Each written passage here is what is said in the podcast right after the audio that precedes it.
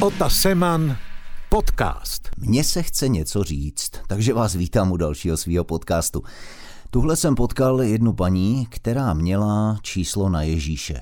Ne, vážně, nekecam. V metru se to stalo na eskalátoru, ten eskalátor jel pomalu, byl docela dlouhý.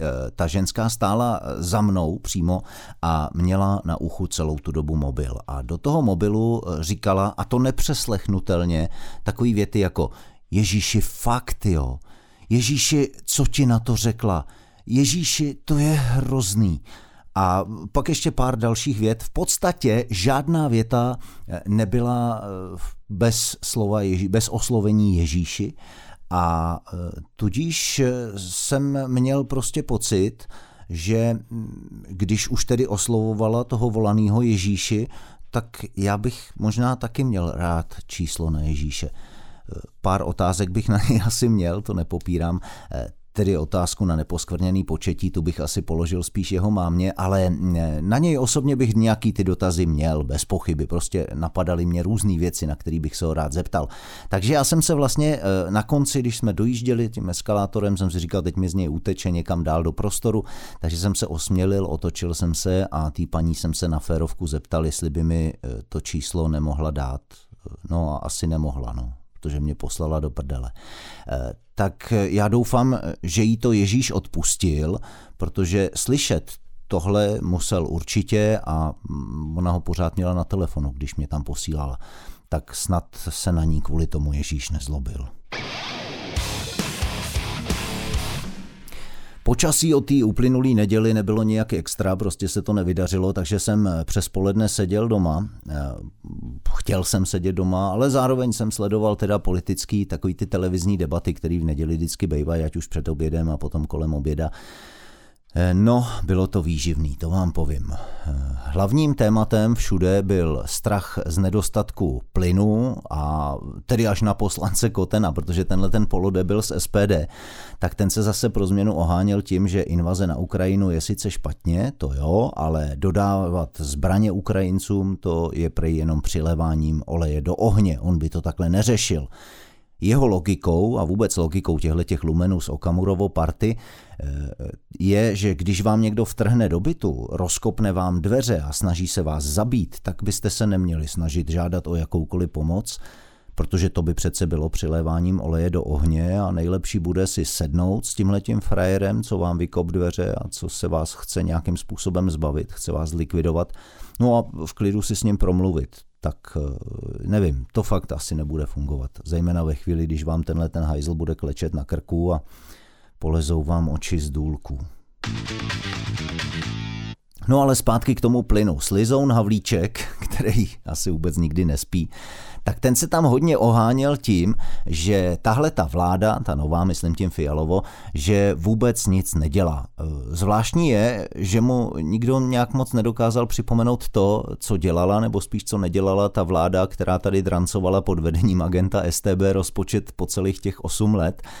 A možná by stálo za to v nějaký té debatě připomenout těm členům sekty ANO, že zatímco takový Polsko investovalo do výstavby terminálu pro dovoz skapalněného zemního plynu za bezmála miliardu eur a rozjelo zároveň výstavbu plynovodu Baltic Pipe z Norska, ten už příští rok by měl začít fungovat, a tím pádem vlastně zbaví Poláky závislosti na Rusku nebo výrazně omezí tu závislost, tak u nás se v té době, po celou tu dobu, co Poláci budovali tyhle ty záležitosti, tyhle velké stavby, tak u nás eh, se dělalo co? No, tak zavádělo se jízdní zdarma pro studenty a důchodce, dotovali se linky na toustový chleba Agrofertu, že jo, další různý takový ty akce, který Agrofert nutně potřeboval, to znamená peníze tekly Eh, jedna radost. Taky se upláceli pochopitelně všechny možný voliči a jo, taky se fotila tahle tata eh, stárnoucí fotomodelka a občasná ministrně financí Alena Dupalová, Šilerová z Malhostovic.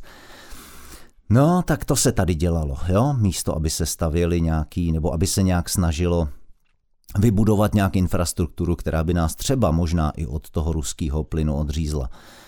No, takže se tady slibovaly dráhy e, pro Sáblíkovou, sjezdovky pro Ledeckou, spousta zimních stadionů. Zkrátka, finance se prožraly ještě než než vůbec k něčemu došlo. No a taky se nasekala spousta dluhů samozřejmě, to se tady tak jako taky docela umělo. A to je docela zajímavý, teďka se objevil takový ten Myslím, že kontrolní úřad, nejvyšší kontrolní úřad, že zveřejnil data, podle kterých ty peníze, které za covidu se čerpaly, na který v podstatě se dělaly veliký dluhy, tak 90% těch peněz v podstatě neskončilo vůbec eh, na nějaký eh, covidový záležitosti, ale Bůh ví kde někde.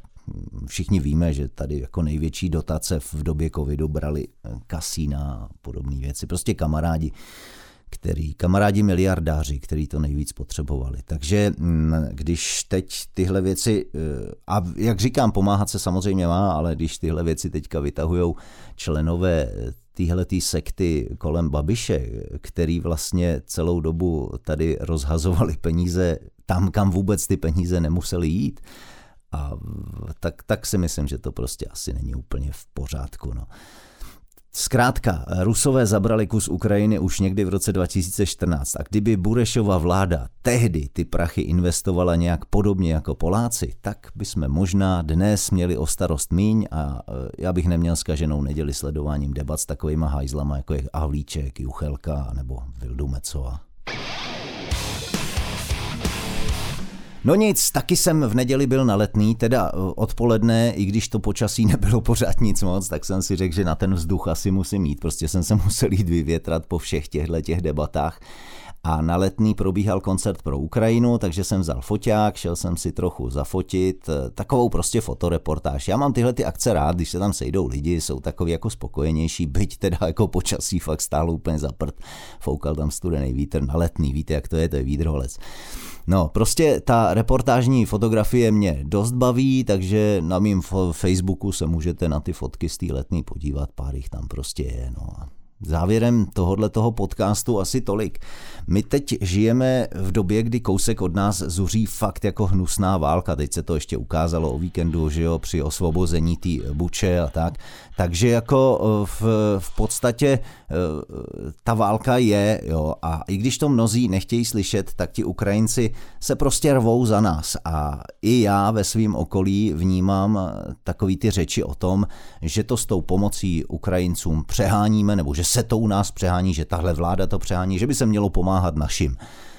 Tak já bych to našim dal možná do úvozovek, protože k tomu bych si možná dovolil citovat slova anglikánského kněze a anglického básníka, který žil na přelomu 16. a 17. století, jmenoval se John Donne a určitě jste to četli, slyšeli, ale já to tady prostě tak jako ocituju. Žádný člověk není ostrov sám pro sebe. Každý je kus nějakého kontinentu, část nějaké pevniny. Jestliže moře spláchne hroudu, tak je Evropa menší. Jako by to byl nějaký mis, jako by to byl statek tvých přátel, anebo tvůj. Smrtí každého člověka je mě méně, neboť jsem část lidstva. A proto se nikdy nedávej ptát, komu zvoní hrana. Zvoní tobě. Tak asi tolik k té pomoci Ukrajincům. Na ta pomoc těm, těm Ukrajincům v tomhle případě je vlastně pomocí i těm našim lidem, i když si to třeba řada z nich neuvědomuje, protože to není ta pomoc, která by jim prostě přidala 4-5 stovek k vejplatě, že to není ta pomoc, která by jim zlevnila rohlíky, máslo, salám nebo chleba, ale je to pomoc, která není tak úplně vidět, jako je vidět, samozřejmě ta válka se odehrává, je to strašný zvěrstvo, ale spousta těchto lidí, který křičí, že nám jako vláda nepomáhá, tak tím, že pomáhá Ukrajincům, že dodáváme zbraně, že jim prostě nějakým způsobem pomáháme ochránit jejich ženy a děti, zajistit jim tady bezpečí, tak tím pomáháme sobě. A fakt je strašně těžký to furt vysvětlovat furt dokola, ale ta válka není tak daleko, aby sem nemohla dojít. A když eh, to Ukrajinci dají a zvládnou, a já věřím tomu, že to zvládnou, držím jim palce, tak sem ta válka nepřijde. A to je větší pomoc, než to, jestli budu mít levnější chleba, rohlíky, máslo a všechny ty výdobytky, eh, ve kterých teď žijeme. My jsme si zvykli žít eh, ve velkém komfortu a jakýkoliv omezení, byť sebe menší, je pro nás velký problém, nebo pro spoustu lidí velký problém, ale buďme rádi, že sem ty ruský tanky nedojedou. Zatím a já doufám, že nikdy už je tady prostě nebudeme mít. Tak to by asi pro dnešek bylo všechno, no. Tak zase příště, jo? Čau.